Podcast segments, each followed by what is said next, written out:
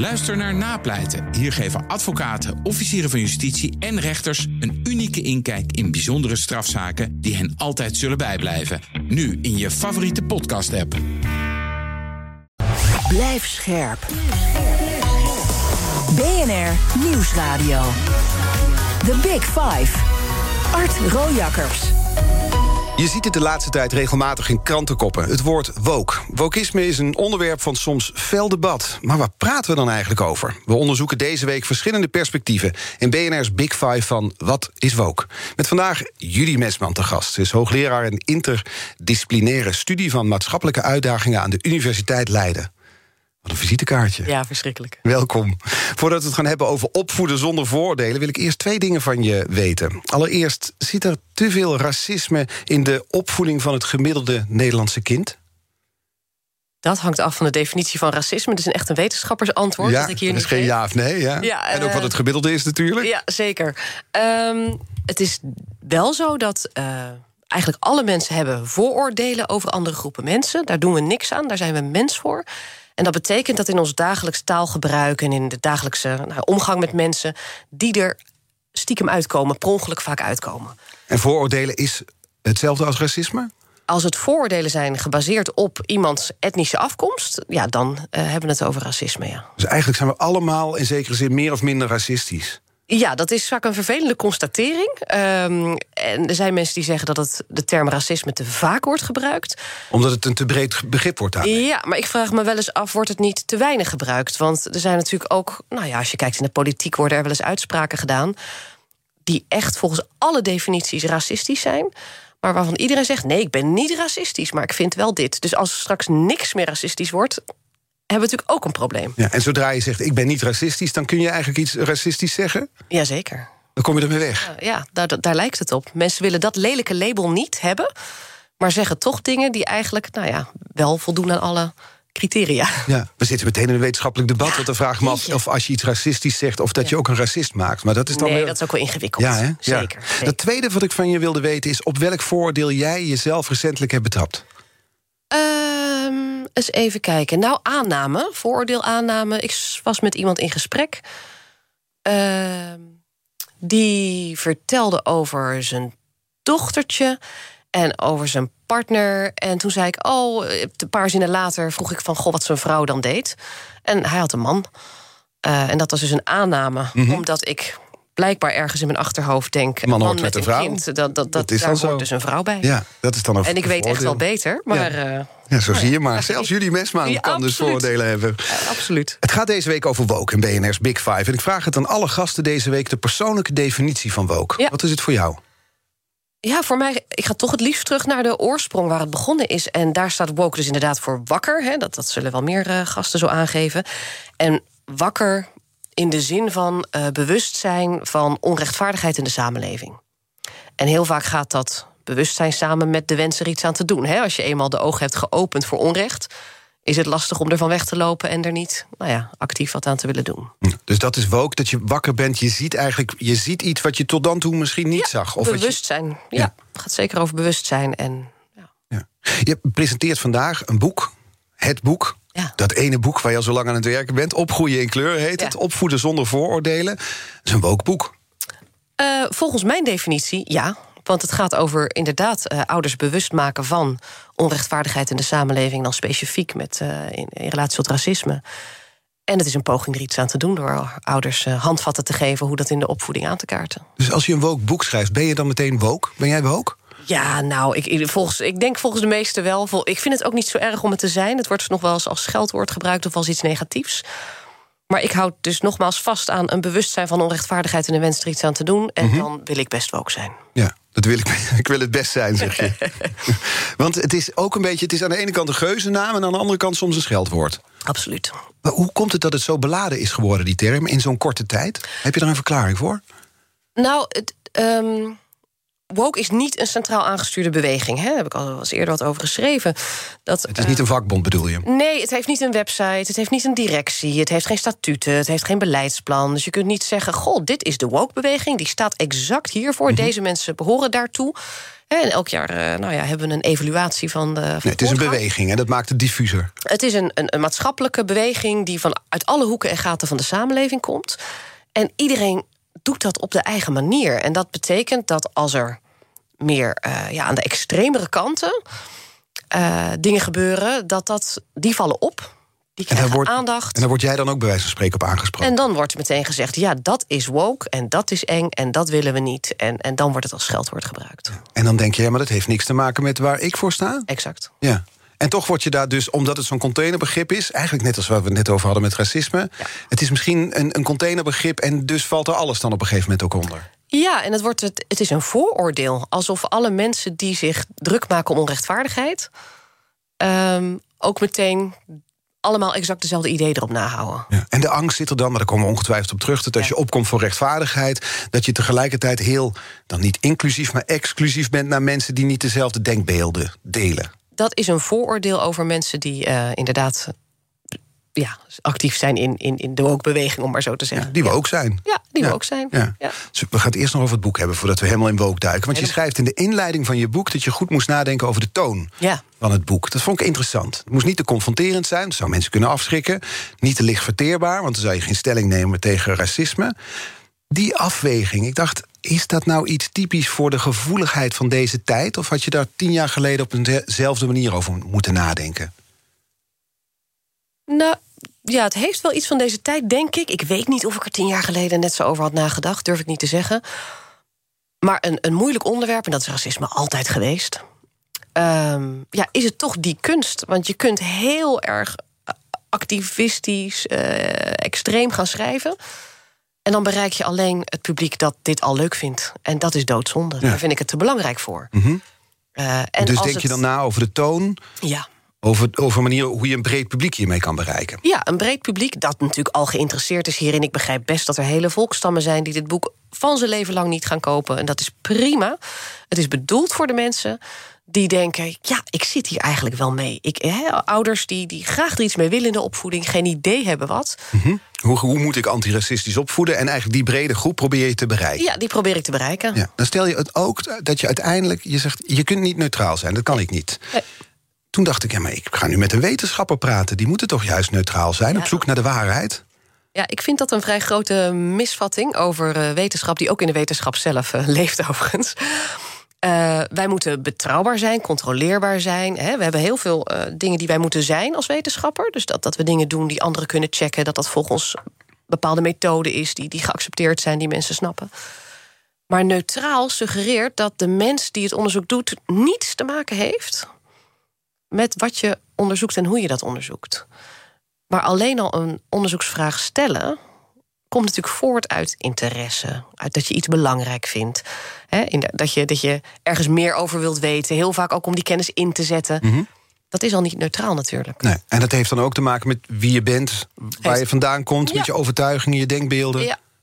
En het bijzondere is dat eigenlijk mensen die onderzoek doen, ik noem maar wat, naar de voorkoming van suïcide of zo, het voorkomen van suïcide, daar zegt niemand over, nou, dat is een ideologische boel. Maar die nemen ook stelling, die zeggen dat suïcide voorkomen dient te worden. En die doen onderzoek in de hoop dat te kunnen, hè, daar te kunnen bijdragen dat dat minder gebeurt. Op het moment dat iemand als ik onderzoek doet naar antiracisme, want ik vind racisme slecht, waarvan bijna heel Nederland zegt ja tegen racisme. Wij zijn allemaal tegen racisme. Maar als er dan een onderzoeker is die zegt, nou, dat, dat vind ik ook, en laten we eens kijken hoe dat dan komt en wat we er tegen kunnen doen, dan is het ideologisch. Waar zit hem dat in? Hoe komt dat? Want dit is een vrij heldere uiteenzetting die je doet. Ja, het is een, eh, een controversieel onderwerp. Eh, mensen voelen zich snel aangevallen. En dat, dat kan ik me ook wel weer voorstellen. Het is een lelijk woord met een lelijke geschiedenis. Eh, dus ik denk dat er zit angst, ongemak bij. Iedereen is tegen racisme. Maar niemand wil het uiteindelijk echt benoemen of het erover hebben dat ze misschien soms zelf iets racistisch doen of denken of zeggen. Het is een onderzoek naar antiracistisch opvoeden. Denkt, denkt dan, denken veel mensen, of denken we van, nou, doe maar niet. Doe maar Laat maar rusten, dat Ja, onderwerp. Ja, precies. Ja, ja, ja. En dit is, ik ga nu een hele niet woke vraag stellen hoor. Maar als je zegt ik ben niet neutraal, wat heeft het persoonlijk voor jou, dit onderwerp dan? Wat heb je er persoonlijk mee te maken? Ehm, ja, ik heb heel lang hier geen onderzoek naar gedaan eigenlijk. Ehm, nou, ik, ik ben zelf een vrouw van kleur. Ik heb eh, in mijn jeugd ook wel het een en ander gehoord over dat ik terug moest naar mijn eigen land. Dat is. eh, eh, nou, en, en wat naardere zinnetjes dan die ook wel. En het was allemaal niet heel dramatisch hoor. Maar, maar er niet bij horen om hoe je er om je afkomst is wel iets. Vormt je? waar- ja, daar heb je precies, heb ik wel mee te maken gehad. En mijn kinderen maken dat al veel minder mee, maar die horen nog wel te pas en te onpas. Waar, waar kom je nou echt vandaan? Oh ja, dat wordt echt. Eh, ja, waar kom je nou echt vandaan? Terwijl we allemaal hier geboren zijn. En dat is nogmaals allemaal niet heel erg, maar het is wel een ervaring die maakt dat je je realiseert dat er vanzelfsprekend bij horen, dat dat niet voor iedereen is weggelegd. Nee. En dan sta je hier tegenover, want dan zal ik mezelf ook maar definiëren als een eh, heteroseksuele witte man Ja. van inmiddels middelbare leeftijd, schat ik mezelf dan in. Kan ik dan praten met jou over dit onderwerp? Natuurlijk, iedereen moet hierover kunnen praten, graag zelfs. Graag zelfs. Want het is nou, je zegt het is gevoelig en dan, het, het is ook een, een mijnenveld als je niet Ja, uitkijkt. absoluut. Een onderwerp. En dat is ook waarom veel ouders het in de opvoeding vermijden. eh, om, omdat ze ook niet weten, ja, straks zeg je het verkeerde woord. Wat moet je er eigenlijk over? Ik snap dat heel goed. En eigenlijk is mijn boek een poging om mensen wat moed in te praten... en wat, handvatten te geven. Doe het nou toch maar, om, om met Bab Schons te spreken... realiseer ik me nu. Ehm, ga, ga hier nou maar over praten. gaan we en doen. en ik, ik vind het zelf, ik ben zelf heel vergevingsgezind. Er kunnen fouten gemaakt worden. Je kunt iets zeggen dat je Nee. achteraf denkt... ah, dat had ik misschien niet zo moeten zeggen... maar laten we daarover in gesprek zijn. Dat gaan we dit uur doen. The Big Five. Art Rojakkers. Vandaag de gast Judy Mesman, hoogleraar maatschappelijke uitdagingen aan de Universiteit Leiden. Ehm, ik wil het straks nog uitgebreid hebben over eh, wokisme in de wetenschap. Is dat het woord eigenlijk, wokisme? Moet je het zo Ik heb zeggen? het volgens mij wel eens gezien, maar ik weet niet wat... eh, vond zo vrolijk klinken, de wokisme. Ja. Maar eerst wil ik wat dieper je boek in, in, Ja. induiken. Het heet dus Opvoeden zonder vooroordelen. Tenminste, dat is de ondertitel. Is het eigenlijk mogelijk? Nee. Oh, een heel, heel, heel dun boek. Ja, ik, ik geloof dat eh, de uitgever heel graag wilde... dat er, dat er nog iets meer uitlegtitel was... dan alleen opgroeien in kleur. Eh, ik, ik open ook eigenlijk het boek al heel snel met te zeggen... dat het korte antwoord op de vraag... hoe kan ik opvoeden zonder vooroordelen is... dat kan niet. En vervolgens schrijven er hoeveel pagina's? 300 zoveel over Ik, ja, met noten geloof Ja. ik, ja. Eh, en het lange antwoord is inderdaad het boek. En dat betekent dat, ehm, dat er wel ruimte is voor gesprek over vooroordelen... voor meer bewustzijn over vooroordelen. Van je afvragen hoe je het daarover kunt hebben met je kinderen. Mhm. Eh, en dat dat wel degelijk kan bijdragen aan minder vooroordelen. Of als er vooroordelen zijn, dat die minder impact hebben op wat je doet. Ja, ik denk dat veel mensen denken, wat ik ook lang dacht... en volgens mij soms nog wel eens mezelf wijsmaakt... dat kinderen kleurenblind zijn. Ja, nee, dat is, eh, dat is niet zo. nee, er is eh, heel veel onderzoek gedaan. En zelfs baby's zijn niet kleurenblind. Dus baby's zien al het onderscheid tussen zeg maar, de meest opvallende etnische groepen. hè, Dus, eh, zwart, Oost- Oost-Aziatisch, Europees. Dat zien ze. Er is gewoon eh, al heel veel onderzoek naar gedaan. Ja, en dan heb je dus aan de ene kant, oké, we, we registreren het. Hey, dat is, Ja. dat, die persoon ziet er anders uit dan ik. Ja. En daarmee sluipt dan ook al racisme in de mens, in het kind? Nou, er zijn eh, verschillende dingen die daarmee te maken hebben. Het eerste is eigenlijk een, een soort onbekend maakt onbemind. Hè? Eh, kinderen en, en volwassene mensen vinden iets dat bekend is doorgaans prettiger dan iets onbekends. Er zijn allerlei evolutionaire theorieën over. En dat betekent dat kinderen die weinig in aanraking komen met bepaalde etnische groepen, dat die tegen de tijd dat ze zo, nou ja, vier, vijf, zes zijn, doorgaans als ze mogen kiezen, liever met hun eigen groep dingen doen dan met, met een, een andere groep. En eigen groep betekent dan eigen huidskleur? Of ook eigen- alleen maar meisjes bij elkaar? Dat zie ik nou met mijn dochters, ook. want alle Nee, jongens zijn is een stom. enorme gendersegregatie Ja. ook op die leeftijd. Ja, die is, eh, die is sterker overigens. De voorkeur eh, voor het eigen geslacht is groter dan de voorkeur voor eh, de eigen etnische groep Ja. op die leeftijd, zeker. Heel veel vaders hopen dan dat hun dochters dat heel lang volhouden. Hè? Ja. Ja. Ik liep dus ooit door de stad, hier in, in Amsterdam. Ik woon in Amsterdam. Toen kwam een man voorbij, want dit, dit raakte dit onderwerp, deze anekdote. En die Ja. keek in de kinderwagen toen mijn tweeling nog heel jong was. En die zei, gefeliciteerd, zijn het jongens of meisjes? Zei ik, nou, het zijn twee meisjes. Dat is wel jammer. Zei ik, hè, hoezo? Ja, kijk, ik heb een jongen, ik hoef maar één pikkie in de gaten te houden. Jij moet alle pikkies van de stad in de gaten houden. Nou, Dat raakt hij natuurlijk wel aan. Ja. Nou kan ik daar meteen aan toevoegen dat ik drie dochters heb... van wie er twee lesbisch zijn. Oh, nou hier, dus dat scheelt. dus dat, dat, dat uh, reduceert toch weer tot één. Ja, nee, dat had ik terug moeten zeggen. Dit had het antwoord moeten zijn. Maar het geeft wel aan hoe eigenlijk klassieke denkbeelden... over kinderen, over opvoeden... Ja. Nou, automatisch naar binnen stromen.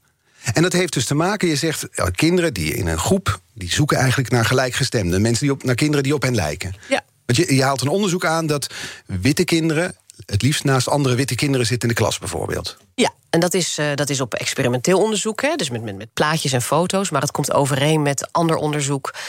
Uh, bij het oudere kinderen ook in Nederland, maar vooral ook in de Verenigde Staten en, en, en uh, Engeland. Mm -hmm. Waarbij je eigenlijk dezelfde patronen ziet. Dat als kinderen mogen kiezen, gewoon op het oog. En je weet nog niets van het andere kind af. Dan op het oog kiezen ze dan doorgaans de groep met wie ze bekend zijn. Ja, en het blijkt dat het, dat onderzoek waren 140 kinderen... die kregen dan die plaatjes te ja. zien en dan kiezen ze voor... Ja, ik ben wit, dus dan wil ik naast een wit kindje ja, zitten. We hebben het uh, in, in, verschillende groepen gedaan. Uh, dit, dit, dit, ene onderzoek werd er uitgelicht inderdaad in, uh, in het interview. Ja, ja, ik las een interview waar het inderdaad voorbij kwam.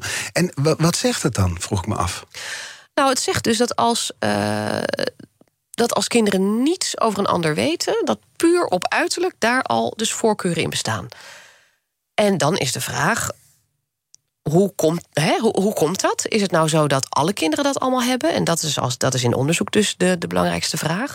Kunnen we kijken wat er in de opvoeding bijvoorbeeld gebeurt... in de omgeving gebeurt, waardoor sommige... want niet alle kinderen laten precies dit patroon zien.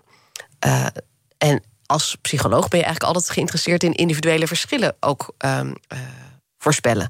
Dus is het nou zo dat sommige kinderen... die op een bepaalde manier worden opgevoed... minder... Hè, alleen maar hun eigen groep kiezen en de andere groep juist afwijzen mm -hmm. dan andere kinderen. Waar en het antwoord daarop is?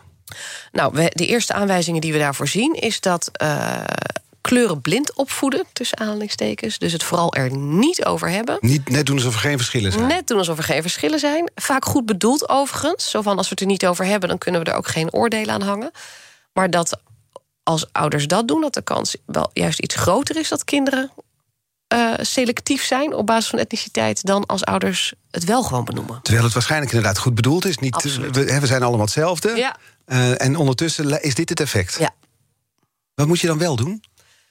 Um, Vraag ik als vader? Ja, uh, benoemen als het relevant is. het, het, het idee dat je het er helemaal niet over zou moeten hebben... omdat, het, omdat, omdat kinderen kleurenblind zouden zijn... nou, dat is al een misverstand. Kinderen zijn het niet. Dus jij ziet het, zij zien het het is in de maatschappij nu eenmaal een relevant kenmerk van mensen, mm -hmm. op basis waarvan ze anders behandeld worden.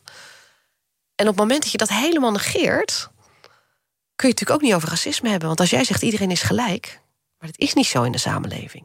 In ieder geval niet gelijkwaardig. Niet gelijk en niet gelijkwaardig. Nee. Want het ging om 70% van de kinderen volgens mij. Die kozen dus voor zeg maar soortgenoten, ik maar. Ja. Naast wie ze dan willen zitten. Ja. 30% niet. Ja. Is dat te relateren aan de opvoeding? Dat verschil? Deels, zeker niet alleen maar. Hè. In dit soort onderzoek kun je nooit uh, hele groepsverschillen zo verklaren. Maar als je kijkt naar mijn onderzoek, maar ook andere onderzoeken op dit gebied, dan zie je dat uh, um, het uh, niet erover hebben doorgaans niet bevorderlijk is voor het verminderen van vooroordelen. Nee, dus je, je gaat het erover hebben. En hoe oud moeten kinderen zijn voordat je dat kan doen? Nou, het gaat hier dus niet over. Kom, kind, ga eens even zitten. We gaan Ik wil eens even met je praten. Nee. nee. dat is het niet. Maar het is wel dat op het moment dat je een, uh, een boekje aan het lezen bent. en er zitten hè, kinderen met verschillende huidskleuren tussen. dat je dan niet alleen maar praat over de kleuren van de jurkjes. Hè, of van de petjes of over de bomen op de achtergrond. Terwijl iedereen ziet dat daar twee heel verschillende kindjes op het plaatje staan. En nogal wat ouders zeggen daar dus niets over. Mm -hmm. Uh, dus dat kan alleen al daar. Gewoon als het relevant is. Ja, benoemen. Gewoon benoemen. Ja. Net zo goed als dat je alles benoemt op een plaatje... als je met een kind een boek aan het lezen bent. Ja, ja toch? Ja, zeker. Maar dan ga je daar een beetje omheen. Want dan denk kijk, je, nou, blauw, kijk, rood. Kijk, nou, maar niemand zegt... oh, kijk, die meneer is heel donker. Nee. Nee. Terwijl je dat dus wel moet doen, Gewoon zeg jij. doen. Ja. Gewoon doen. Oké, okay. nou goed, die heb ik dan geleerd. Want die reflex is dan dat als je dat doet... dat dat juist racisme bevordert. Ja, en dat... Want dan ga je verschillen benadrukken. Maar verschillen zijn er. Die verschillen zijn overduidelijk in hoe we ze zien. En op het moment dat je het hebt over. Je kunt natuurlijk heel moeilijk uiteindelijk, als je kinderen ouder worden, het gaan hebben over racisme en ongelijkwaardigheid. Als je al die tijd hebt gedaan alsof die verschillen er überhaupt niet zijn. Mm -hmm. Want hoe kan racisme dan bestaan? Mm -hmm. Racisme kan niet bestaan als er eigenlijk geen zichtbare verschillen tussen mensen zijn. En dit is dus de rol van de ouders. Als je naar scholen kijkt, dan, dan, dan ja, als je met alleen maar kinderen die op jou lijken in de klas zit, Ja. is dat logisch dat je dus naast kinderen gaat zitten die op jou lijken. Ja. Dus je hebt het over gemengde scholen met dit soort onderzoeken. Eh, ja, de, eh, veel van deze onderzoeken eh, vinden niet per se plaats in de klas zelf. Een aantal wel hoor, overigens, maar niet in Nederland voor zover. Nee, dus met foto's, zei je al. Hè? Ja, met foto's inderdaad. Maar helpt het dus als scholen gemengd zijn? Er is Is daar minder racisme? ja, een van de meest bewezen theorieën in, in de psychologie op dit gebied. De, dat gaat over de contacttheorie. Dat hoe meer contact er is tussen leden van verschillende groepen, hoe minder vooroordelen er tussen die groepen bestaan. Nou moet dat wel voldoen aan een aantal voorwaarden. Het is niet van eh, gooi ze maar hop in een klas en hopen dat het goed komt. Eh, dus het gaat wel over dat je samenwerking bevordert, hè, een positieve omgeving creëert. Dus eh, Ja, maar dat is logisch. Dat moet je op school sowieso dat doen. moet je sowieso. En dan blijkt eigenlijk uit heel veel onderzoek dat hoe meer contact, hoe minder vooroordelen. Ja, dus met dat idee in gedachten en je kijkt naar de scholen in Nederland, hoe doen we het dan? Nou, niet zo heel goed. Nee, het, on- het onderwijs is heel gesegregeerd, zeker in de grote steden. Eh, ze komen elkaar heel vaak niet tegen. En het gaat natuurlijk om dat de ander weer mens wordt. Hè? Dat iemand niet een, een representant wordt van een onbekende groep. Hunnie, hè, krijg je dan? Oh ja, hunnie zijn zo. Maar gewoon een mens. Iemand met allerlei kenmerken. Leuke, minder leuke. Iemand met wie je dingen gemeen hebt. Iemand met wie je dingen niet gemeen hebt. En die kans krijg je niet als je nooit individuen ontmoet. Die dus verschillen, terwijl ze wel misschien tot één groep behoren. Dan hebben we het dus over de opvoeding gehad, we hebben het over de samenstelling van de klassen gehad. Dan krijgen ze ook nog les. Dan krijgen ze ook nog les. Hoe, hoe gaat het daarin in schoolboeken? Schoolboeken hebben we onderzoek naar gedaan. Ehm, en de eh, representatie van eh, mensen van kleur, Ja. hoe vaak ze voorkomen in de boeken, is in de teksten heel erg laag. Op de plaatjes best aardig. Eh, eigenlijk best goed als je het kijkt, vergelijkt met landelijke cijfers. Ik denk dat uitgevers zich ook best bewust zijn van dat ze een beetje een, een rijk palet aan, aan, aan verschillende type mensen willen laten zien. Dus in plaatjes zie je dat heel goed terug. Maar in de tekst eh, eigenlijk niet tot nauwelijks. Nee. Dus daar, daar kan, is dan nog een wereld te winnen. Dus dan heb je dat. En, want ik ben natuurlijk vader van jonge kinderen. Dus dan blijf ik toch nog even terugkomen op Ja. die school, die boeken. En wat ik nou als vader dan moet zeggen. Ik moet dus benoemen dat er verschillen zijn als ik naar plaatjes met ze kijk. Maar hoe zorg ik nou dat ik ze antiracistisch opvoed? Hoe doe je dat? Op het moment dat racisme zich voordoet in hun omgeving. eh, of dat ze ervaringen hebben die in die richting lijken te gaan. Hè, dat ze denken, hey, dit is eigenlijk heel gek. Ze kijken ook het jeugdjournaal heel snel, hè, op school bijvoorbeeld. Ehm, dan kun je het daar, daarover hebben op het moment dat ze worden blootgesteld. Dus het is niet een college geven. Het is niet van, goh, nu gaan we even dit allemaal bespreken. Als het zich voordoet in hun belevingswereld... niet uit de weg gaan en niet zeggen... zo, wil je ook wat chocomel? Eh, hè? Nee, witte melk, witte melk. Eh, oh, oh shit, ja. Eh, maar dan dat gesprek durf, durven aangaan. Ja. Eh, maar dat begint met samen met de partner als die er is. het benoemen. Wat zeg je? Het benoemen. Nou, eerst eens met elkaar bespreken hoe je hier eigenlijk in staat. De meeste ouders hebben allerlei gesprekken gehad over... gaan we ze met of zonder vlees opvoeden? Gaan we ze met of zonder schermpjes opvoeden? Verzin het allemaal maar. Hier hebben ouders het nooit over. Nee. Dus heel veel ouders weten eigenlijk zelf niet waar ze staan. En dan is het lastig opvoeden, hè? Want eh, ouders, je zei het net al, oh, iedereen is gelijk. Maar dan zeggen ouders ook weer, oh, en iedereen is anders... en dat is juist zo mooi. Ja, dat kan natuurlijk niet allebei, hele, allebei helemaal waar zijn. Dus die verwarring die ouders vaak zelf al hebben... over wat vind ik nou zelf van dit onderwerp? Dat is eigenlijk stap 1. Daar begint het eigenlijk. Ja, en dit gaat dus over jonge kinderen. Een hoofdstuk in je boek heet ook Help mijn tiener is woke. nou, menig ouder van pubers heeft geen idee wat woke betekent. Daar gaan we dus nog wel op terugkomen. Ja. De terminologie en wat je er allemaal mee kan doen. Dus ik praat zo verder met Judy Mesman over wokisme... ook in de academische wereld. Blijf luisteren. Ook Liesbeth Staats vind je in de BNR-app. Ja, heel handig. Luister live naar Kees en mij tijdens de Daily Move. Dan blijf je ook gelijk op de hoogte van breaking news en het laatste zakelijke nieuws. En daar vind je ook alle BNR-podcasts, waaronder de Perestrooikast. Download nu de gratis BNR-app en blijf scherp. Scherp. BNR Nieuwsradio. The Big Five. Art Rojakkers. Welkom bij het tweede halfuur. Deze week vijf kopstukken uit de wereld van het wokisme. Later deze week spreek ik bijvoorbeeld nog met columnist Philip Huff... over de betuttelende babyboom-columnisten. Vandaag de gast Judy Mesman, hoogleraar maatschappelijke uitdagingen... aan de Universiteit Leiden. Het komende half uur wil ik graag nog twee onderwerpen sowieso met je bespreken. Namelijk wat je met 2,5 miljoen aan onderzoeksgeld gaat doen. En of de universiteiten gebukt gaan onder wokisme, onder de wokbeweging. Laten we met het laatste beginnen. Want we hebben het over kinderen gehad. Pubers kunnen ook al woke zijn en spreken hun ouders erop aan. En dan gaan ze studeren. Want jij kreeg, uh, naar aanleiding van je onderzoek, kreeg je dus veel reacties. uh positieve, ook negatieve. Ja. Wat was de belangrijkste kritiek? Um, de belangrijkste kritiek eh, komt eigenlijk van mensen die het überhaupt vinden dat wetenschappelijk onderzoek naar alles wat te maken heeft met gender, diversiteit, inclusiviteit, etniciteit, racisme, dat dat stom is. Mm dus dat, dat, is één groep mensen hè, die, die, die überhaupt dit hele onderwerp totaal niet iets vindt waar je aandacht aan moet besteden. Uh, er zijn mensen die, die uh, vinden dat het vooringenomen is. Er zijn mensen die hebben aannames over hoe ik onderzoek doe. Um, het, het, is voornamelijk wel mensen die echt wel onbekend zijn met wat ik werkelijk doe en wat in het vakgebied gebeurt. Ja, dat is dan aan die kant. Maar aan de andere kant, ik las in je, je boek dat je, je moet je ook in de belevingswereld van woke studenten verdiepen. Ja. Uh, schrijf je. Hetzelfde bij die pubers. Maar ondanks dat je dus hard maakt tegen racisme, je zit daar niet automatisch op één lijn. Ik, ik meen eruit te concluderen dat er dus mensen waren, studenten, die jou misschien wel niet ver genoeg vinden gaan. Zeker. Zeker. Ja, dat is, dat is een heel interessant uh, spanningsveld. Um, dat er mensen, zeker jonge mensen zijn, die, die, die nou ja, uh, aan, het, aan het uiteinde van het woke-spectrum, zeg ik dan maar, zitten. En dat zijn ook degenen waar, waar in de media ja, mensen bang voor zijn. Hè? Mhm. Van, dat zijn de luide stemmen. Dat zijn de stemmen die, die, die uh, vragen, willen dat mensen ontslagen worden. Ja, de cancelcultuur. De cancelcultuur. Uh, daar ben ik niet van. Jij wil juist uh, praten. Ik, ik, ben, Zoveel ik, ben wel, mogelijk. ik ben wel van de dialoog. Ja.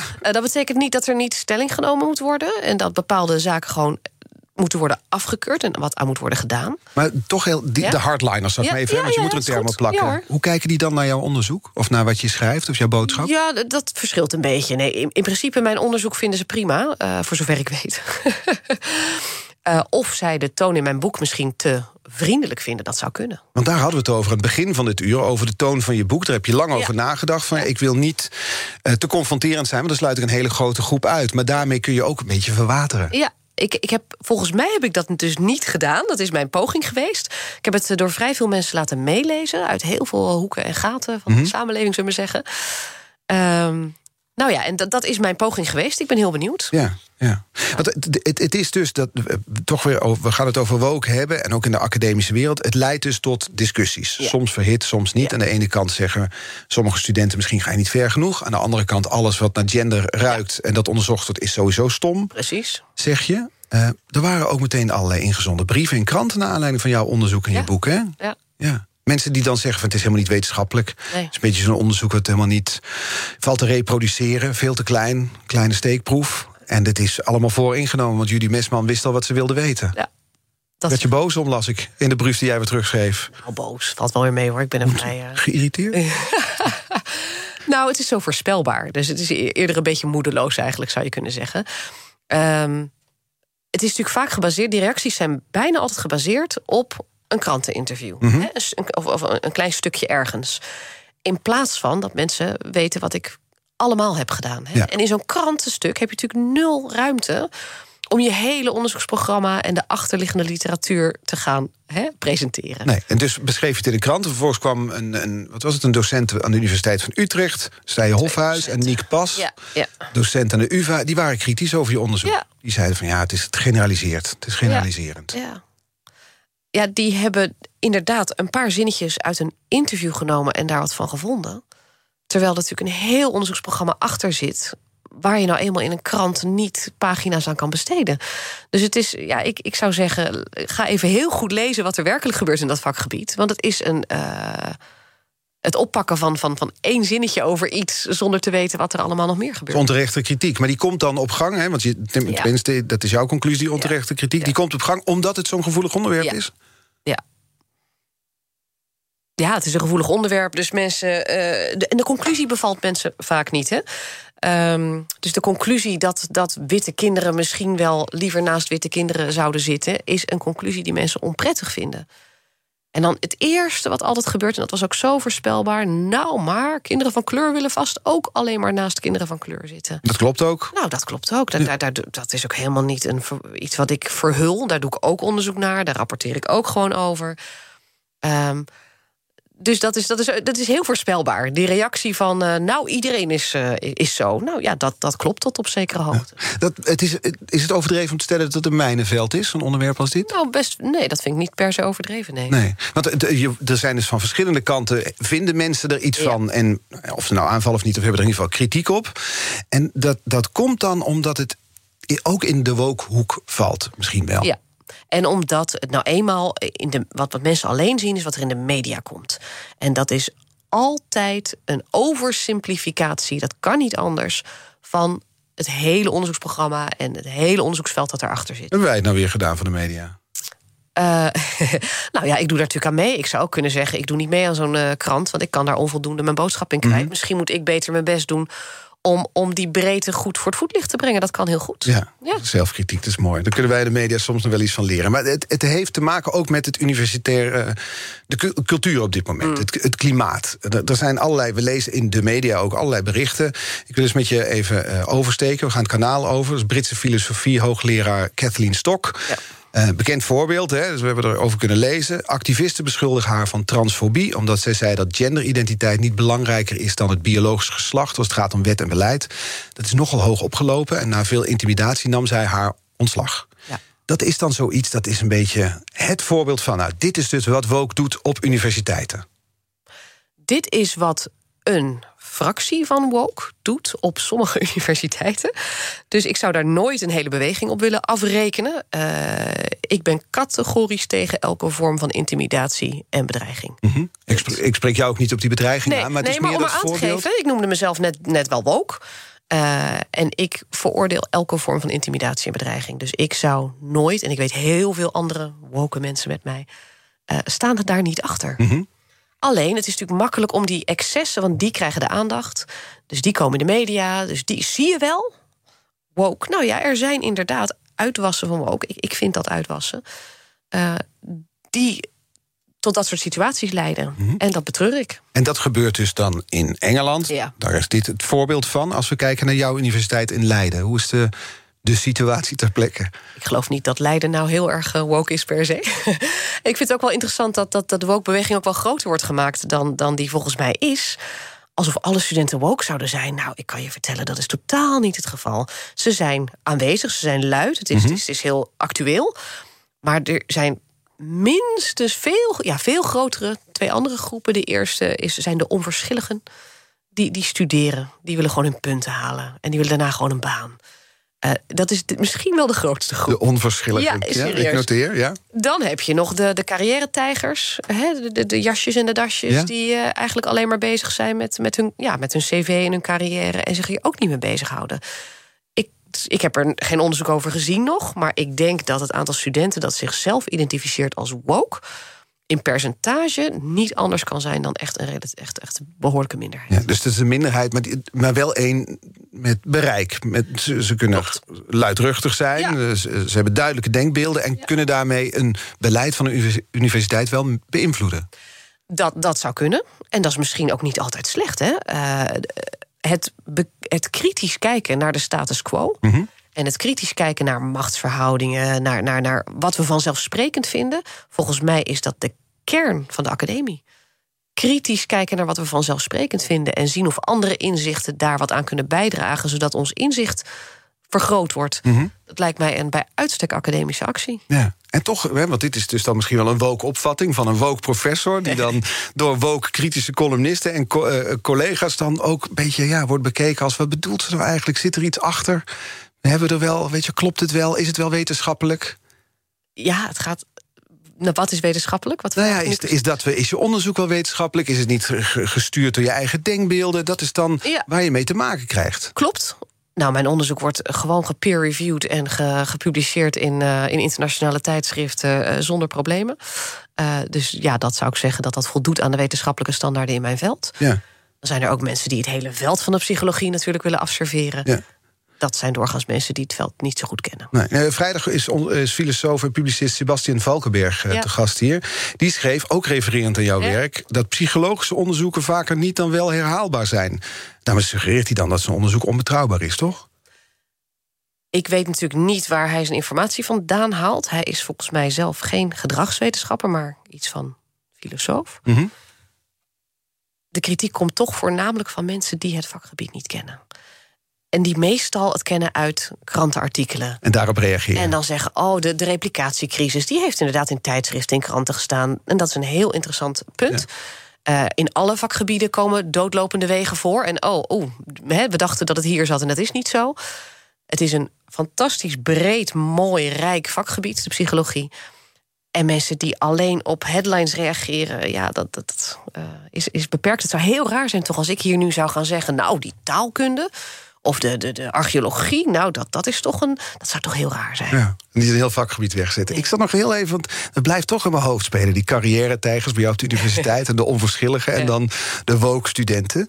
Die, die zitten natuurlijk, ze komen elkaar wel tegen, zitten in allerlei universiteitsorganen. En die carrière-tijgers worden uiteindelijk BNR-luisteraars natuurlijk, CEO's van grote bedrijven. Die zullen toch ook iets met woke moeten? Ja, nou dat is dus interessant hoe de. Ehm, en en dan, kom je met die contact en die dialoog. Als die groepen elkaar eigenlijk helemaal niet tegenkomen en in hun eigen bubbels zitten. Ja, dan, dan zetten we dus voort in een soort, soort zuilen. Hè, uh, waar ze niet van elkaar leren. En, en daarom is het veel beter volgens mij om die gesprekken altijd open te blijven voeren met allerlei verschillende partijen. Mhm. Omdat anders ieder alleen maar in de eigen kolom uh, het eigen gelijk heeft. Uh, en, en geen kennis neemt van andere standpunten. Nee, behalve in, in, in de one-liners. Ja, en die carrière-tijgers gaan op weg naar de Zuidas... maar die hebben dan niks van de woke cultuur meegekregen. En andersom. Behalve, uh, oh, dat is eng en uh, hè, uh, misschien. En andersom, misschien, oh, dat zijn alleen maar mensen... die alleen maar om geld geven, wat ook niet per se het geval is.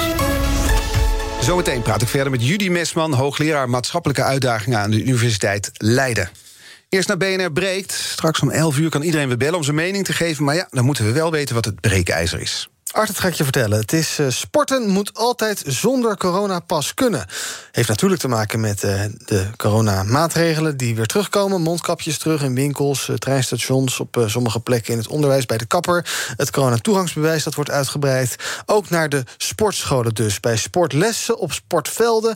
Voor deelnemers aan sporten, maar ook voor toeschouwers. En daar is best heel erg veel kritiek op. Bijvoorbeeld van de belangenorganisatie Amateur Voetbalverenigingen.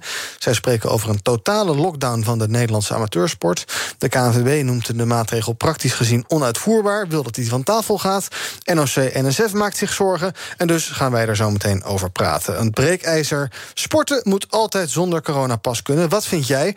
Misschien uh, vind je dat de sportsector groot gelijk heeft en moet je voor sporten, wat immers toch bedoeld is als goed voor je gezondheid en voor je weerstand, geen blokkades opwerpen?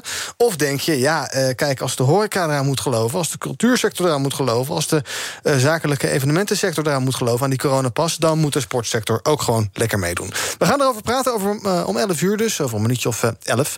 Met een uh, panel, met een deskundige. En ik hoor ook graag jouw mening. Bellen kan dan. Schrijf het nummer vast op of tik het vast in in je telefoon.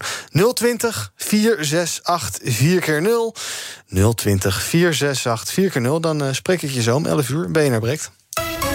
BNR Nieuwsradio. The Big Five. Art Rojakkers. Je luistert naar BNR's Big Five van Wat is woke? Eerder deze week sprak ik met Jan Kuitenbrouwer, columnist, journalist... over het woke vocabulaire. Dat gesprek is terug te luisteren via bnr.nl of via de app. En vandaag de gast Judy Mesman, hoogleraar maatschappelijke uitdagingen... aan de Universiteit Leiden.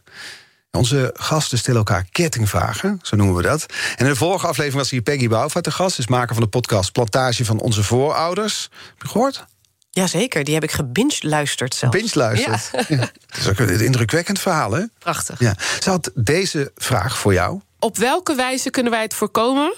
En hoe kunnen we het voorkomen van polarisatie waarborgen in het lager en het hoger onderwijs? Contact, contact en nog eens contact. Uh, perspectief van een ander leren nemen. Zo, zo, zolang de ander de ander is en, en, en staat voor iets, iets abstracts, is het heel makkelijk om te polariseren. Mm En dan, dan zijn aannames over waar iemand wel voor zal staan of wat iemand wel zal vinden, Mhm. zijn heel makkelijk. Maar als iemand een persoon wordt die je kent, met wie je hebt gesproken, met wie je het soms oneens bent, maar soms ook eens bent. eh, die heel veel kanten heeft. En dat is het eigenlijk. Hè? Eh, het, het humaniseren van de ander is, is eh, het, de, eigenlijk de oplossing eh, tegen polarisatie. Want polariseren doe je eigenlijk alleen als de ander de vijand is. Eh, en het liefst zo abstract mogelijk. Want hoe dichter bij een vijand komt, hoe menselijker ze worden, hoe lastiger het is om, in- om, om ze ook zo lelijk te behandelen. Ja. Het probleem is natuurlijk dat je niet met iedereen contact kan hebben. Want alleen al als je kijkt naar het hoger onderwijs... dan heb je verschillende soorten onderwijs. Dat gaat van VB VWO tot VMBO. Dus je komt, al- alleen al op die manier kom je elkaar niet tegen. Nee, dat is wel echt een, een makke van het Nederlands onderwijs. Die hele vroege tracking. Dus dat je vroeg al zo'n verschil maakt. Dus niet zo'n bijvoorbeeld zoals een high school in Amerika... waar je heel lang bij elkaar Ja, zit met z'n allen. Dat is, is er zeker eentje. De enorme schoolsegregatie überhaupt. Hè? Eh, in de grote scholen, steden, zwarte scholen. zwarte scholen eh, enzovoort. Ehm, dat, dat zijn heel veel manieren van het scheiden van groepen kinderen... die niet ten goede komen aan onderling contact en onderling begrip. Nee. Zie je dan in landen, ik weet niet of dat onderzoek er is... en of je hier dus antwoord op hebt... maar zie je in landen waar kinderen langer bij elkaar op school zitten... zoals zo'n high school in Amerika bijvoorbeeld... dat daar minder racisme dan is? Dat onderzoek ken ik niet, moet ik eh, eerlijk bekennen. Want dat zou bijna, met mijn boerenverstand zou Ja, het dan een logisch gevolg logisch zijn. Het zou zomaar kunnen, maar ik heb dit niet op het netvlies. Weet Nee. ik niet zeker. Want het gaat dus om contact, contact, contact, zeg je. Je moet elkaar tegenkomen, want eh, dan, dan wordt de ander mens... in plaats van alleen maar een beeld van Ja. een bevolkingsgroep. Precies. Ja. Nou, ik merk dat zelf als ik eh, eh, boze mailtjes van burgers krijg. Die krijg ik wel eens. Ja.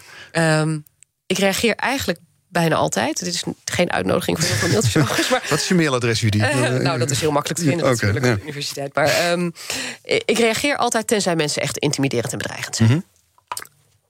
En nou, mensen zijn soms heel boos. En dan reageer ik en dan zeg ik allerlei dingen. Goh, goh dat, nou, dat, dat, dat, dat, ik zie uw punt, maar dit. Of heeft u er ook wel zo naar gekeken? Of eh, misschien zijn we het hier wel over eens.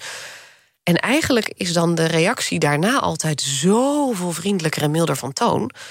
Want ik was natuurlijk een of andere, nou ja, Ook professor die enge dingen aan het onderzoeken is. wolf. Ja, en dan blijk ik een mens dat reageert en misschien helemaal niet heel onredelijk is, maar, maar hè, ook wel eh, perspectief van de ander probeert te nemen.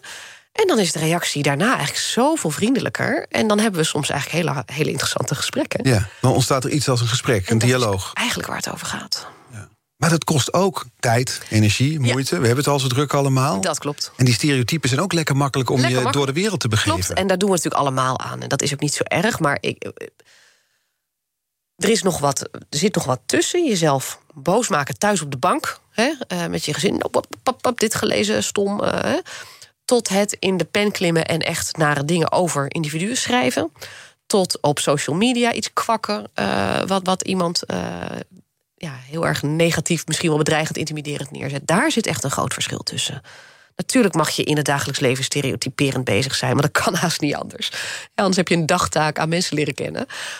Maar er zit nog echt wel een stap tussen. Of je dan in de pen, in social media klimt, eh, in een krant, op tv. nare dingen gaat zeggen over mensen die je niet kent. Je hebt een prijs gewonnen. Ja. En niet zomaar een prijs. De meest prestigieuze wetenschappelijke onderscheiding... of een van de meest prestigieuze in Nederland, de Steven-premie. Ja. 2,5 miljoen euro. Wel voor wetenschappelijk onderzoek. Ja, ja, niet, dat dan voor, wel. eh, Nee, helaas niet voor andere dingen. Welk onderzoek heeft Nederland voor dat bedrag nodig in jouw ogen? Ehm, nou, het, het allermooiste aan deze premie is dat, dat het. eh, Vrij te besteden, hè? ja, dat het wendbaar is. Ja. Ik heb wel eens eerder een paar miljoen gekregen voor onderzoek. Eh, maar dat is dan na het indienen van een extreem gedetailleerd plan. Dat is meteen gelabeld, zeg maar. helemaal, helemaal dichtgetimmerd. En dan moet je het zo uitvoeren. Want Ja. dat is wat ze van je verwachten. Dat is waar je het geld voor krijgt.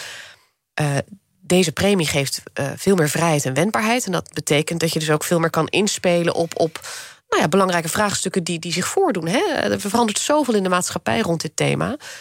Dus dan kun je die vragen ook beantwoorden die zich voordoen. Als je ziet van hé, hey, nu, nu is iedereen hiermee bezig. Ja. Ben je al ergens op aan het focussen? Heb je iets in gedachten? Eh, ja, eh, zeker. Ehm, ik ben eigenlijk heel benieuwd naar hoe. Ik doe veel onderzoek dus naar in, in de opvoeding en in het onderwijs. eh, Wat voor vooroordelen en stereotypen daarin zitten. Ehm, en, en wat we gewoon vinden en wie we gewoon vinden. Ehm, maar een van de vragen die ik daar ook over heb is: van hoe, zit, hoe, hoe komt dat nou eigenlijk zo? Met name de mensen die professioneel met jeugd werken. Hoe worden die nou zelf opgeleid? In hoeverre hebben die meegekregen in de opleiding dat er verschillende manieren zijn van nou, dat er verschillende groepen zijn, hoe je daarover praat of niet, uh, wat wel en niet een goede opvoeding zou zijn, hè, in plaats van een vooroordeel hebben over het moet alleen op de Nederlandse manier en niet op een andere manier. Dus allerlei beroepen die, die later gaan werken met jeugd en gezin, daar ben ik eigenlijk heel benieuwd van hoe die opleidingen aandacht besteden aan dit soort dingen. Ja. En daar komt dan een onderzoek naar, daar komt dan een antwoord op. Dat is ook ongelooflijk tijdgebonden volgens mij. Zo'n onderzoek is na tien jaar kun je dat alweer herhalen, denk ik.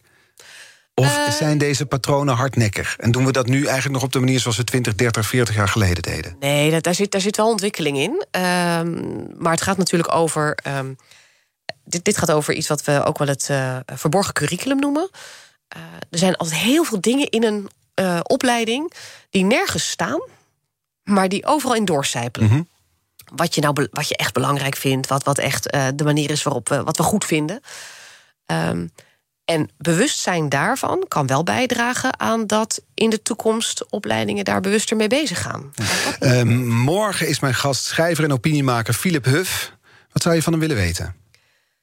Uh, ja, hij schrijft uh, vaak over uh, inderdaad de bepaalde oudere generatie... die, wat, die zich vooral laat voorstellen op een bepaalde nuchterheid. Hè? De babyboomers. Wat, ja, precies. Lijkt af te zetten tegen, tegen wat ehm, ja, protesterende jongere generatie. Um, en ik ben eigenlijk wel benieuwd hoe hij dat ziet. Zijn wij allemaal gedoemd om zo te worden? Hè? Uh, gaan, gaan, hij en ik uh, en jij over twintig jaar uh, ook zo worden? Het is onvermijdelijk als je die leeftijd bereikt, bedoel ik. Nou, want dan kan er een jonge generatie zijn die weer dingen gaat roepen die ik misschien wel heel eng vind. En denk van, nou, dat gaat helemaal de verkeerde kant op. En denk, mm -hmm. oh, dat. of, of ziet hij dat meer als mensen die van nature altijd al wat meer behoudend zijn geweest. En hij kent de geschiedenis van die mensen natuurlijk niet. Maar ik ben benieuwd of hij dat ziet als een soort natuurlijke progressie in, in het leven. Van, van progressief of, of protesterend naar behoudend. En naar nieuwe dingen toch een beetje eng vinden als je eenmaal een bepaalde leeftijd en status hebt. Of dat hij het zelf iets meer ziet in uh, persoonlijkheidsverschillen. We gaan het een vragen. Ik vind het een interessante vraag. Dat vond ik dit gesprek ook. Dank voor de komst, Judy Westman. En heel veel plezier bij de boekpresentatie uh, zometeen. Voor de luisteraars wil ik nog zeggen dat de aflevering van BNR's Big Five terug te luisteren zijn in onze app en ook op bnr.nl. En nu op deze zender BNR Breekt. Tot morgen. Ook Harm Edens vind je in de BNR-app. Je kunt BNR Duurzaam niet alleen live luisteren in de app, maar ook terugluisteren als podcast, zoals al onze podcasts. En naast dat de BNR-app Breaking News meldt, houden we je ook op de hoogte van het laatste zakelijke nieuws. Download nu de gratis BNR-app en blijf scherp.